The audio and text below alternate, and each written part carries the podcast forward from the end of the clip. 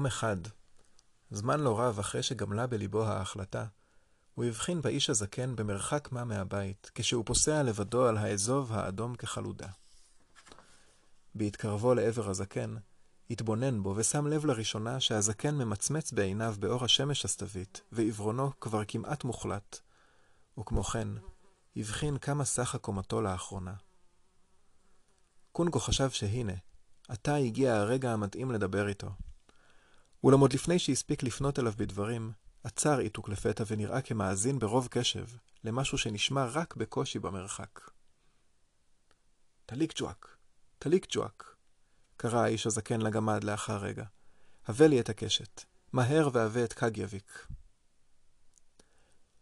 לא חלף יותר מרגע או שניים, והגמד יצא מתוך המערה כשהוא מדדה וחולף על פני קונגו, ותוך כדי כך מתיר את אורות הקריבו הרכים ששמרו על קגייביק. בין שיניו היה נעוץ חץ שחור אחד ויחיד. האיש הזקן נטל את הקשת העצומה בידו הימנית, הניחה על הקרקע ונשען עליה כדרכו. רגע לאחר מכן הוא כופף את חלקה העליון בחוזקה כלפי מטה, והשחיל את המיתר בחריץ העליון. אז הגיש לו הגמד את החץ, זז כמה צעדים הצידה, קרא על ברכיו והתבונן באיתוק. הזקן ירד לאיתו, וברוב כאב, על ברכיו, והרים את פניו הזקנים כלפי השמיים. שערו הלבן והארוך התנופף סביב כתפיו ברוח הקלה, ועיניו הזקנות נראו חלשות וחברות כערפל. רק אז שמע גם קונגו לראשונה את הקולות. הרחק הרחק, גבוה בשמיים מעליהם. היו אלה קריאות של אווזים, אווזי שלג ששלחו את מנגינתם הפראית למטה לעבר אדמת האי, בעודם מכוונים את כנפיהם דרומה לכיוון אזורי כינון החורף שלהם.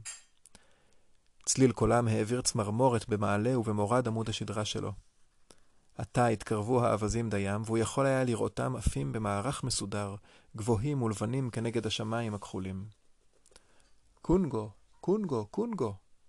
קראו האווזים הלבנים. זה היה צליל הקריאה שהשמיעו תמיד. על כן אף קראו להם האסקימואים בשם זה.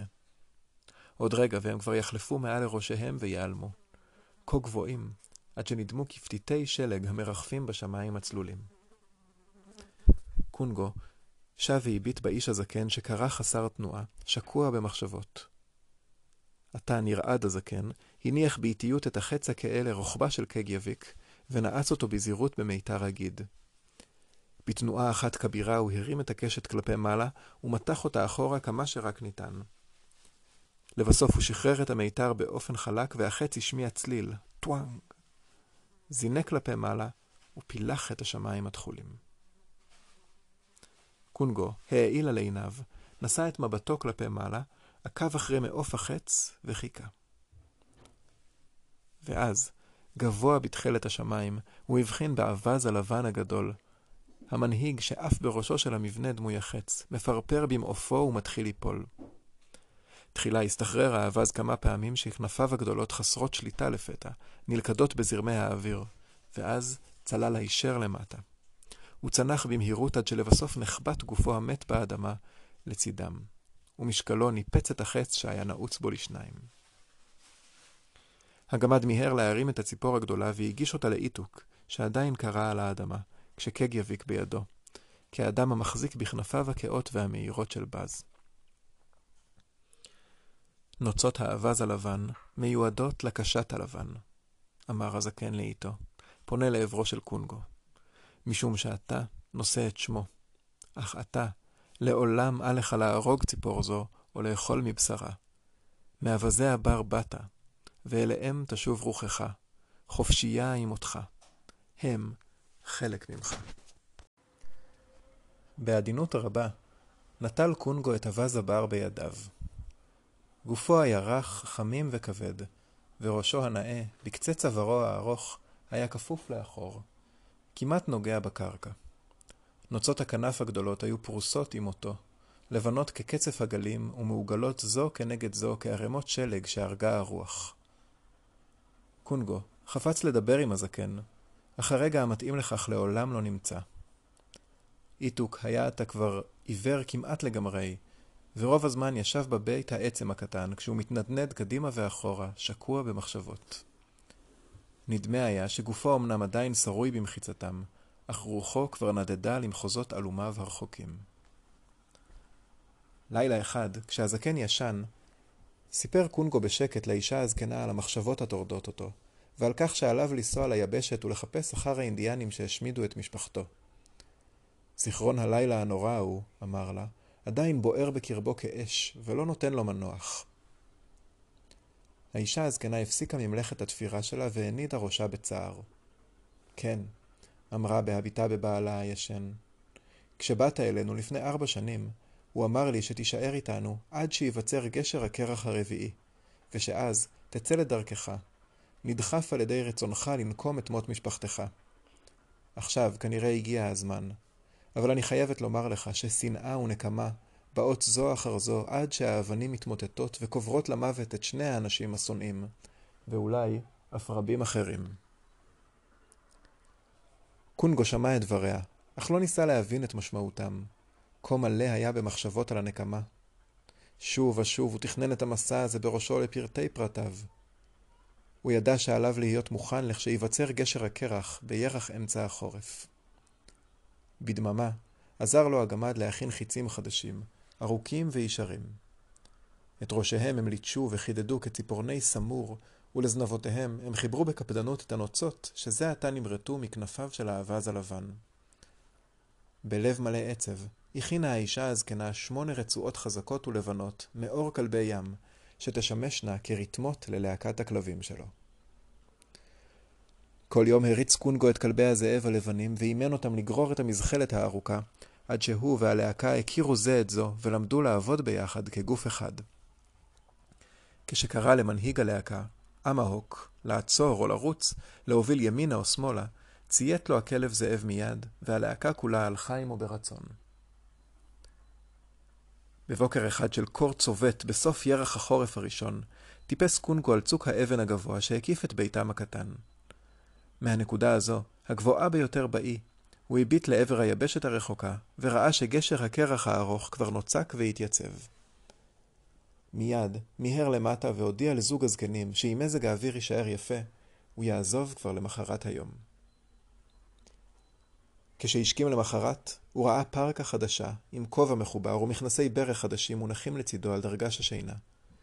הם נתפרו מפרוות הקריבו שצד במסע שערכו בפנים היבשת. מעולם לא ראה בגדים יפים מאלו. הוא לבש אותם על גופיית הפרקה הקלה שלו ועל מכנסיו, ומצא שהם מתאימים לו באופן מושלם. הפרקה והמכנסיים היו מולבנים כשלג, והכובע שהיה מוקף פרוות זאב לבן, עטף וחימם את צווארו. הוא לבש שני זוגות גרבי פרווה עבות וחמות, שהגיעו עד ברכיו, ועל גביהן נעל את מגפי כלב הים הלבנים שלו.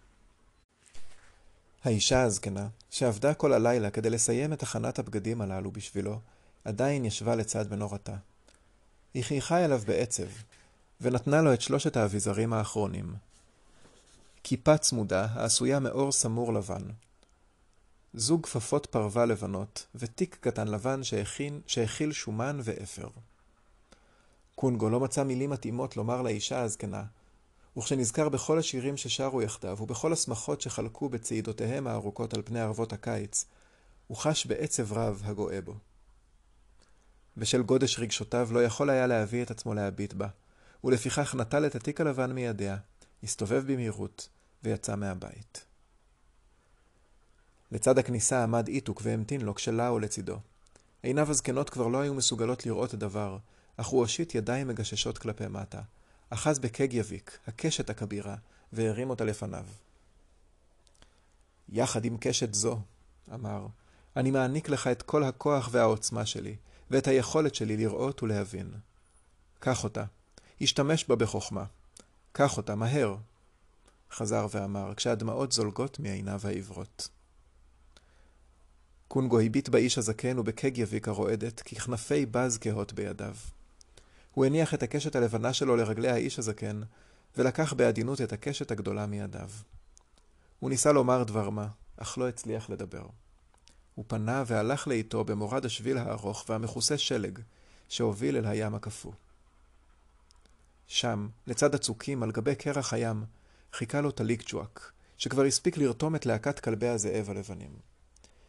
בזמן שהידק את רצועות האור של המזחלת, לא הרים הגמד ולו לרגע את עיניו ולא הביט בקונגו כלל.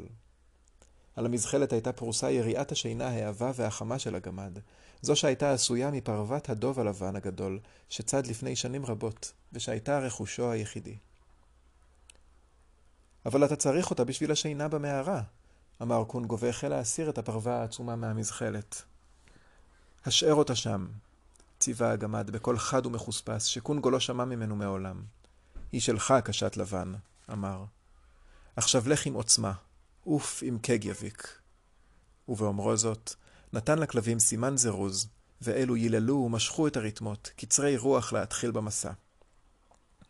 אוש, אוש, קרא גם קונגו לכלב המוביל, וכשהמזחלת החלה לנוע קדימה, מיהר וקפ... וקפץ לתוכה. רק כשהלהקה כבר רצה בקצב יציב לאורך גשר הקרח המכוסה שלג, רק אז נפנה קונגו והביט לאחוריו. במרחק הוא ראה את דמותו ההולכת וקטנה של הגמד, העומד לבדו לפני הסלעים המחודדים של האי, ומביט בלהקה המתרחקת בעיניו החדות. אך קונגו ידע שלובן בגדיו, כמו גם לובנה של המזחלת וצבעם של הכלבים, נבלעים כולם כבמטה קסם בתוך הלובן של גשר הקרח, ונעלמים מן העין.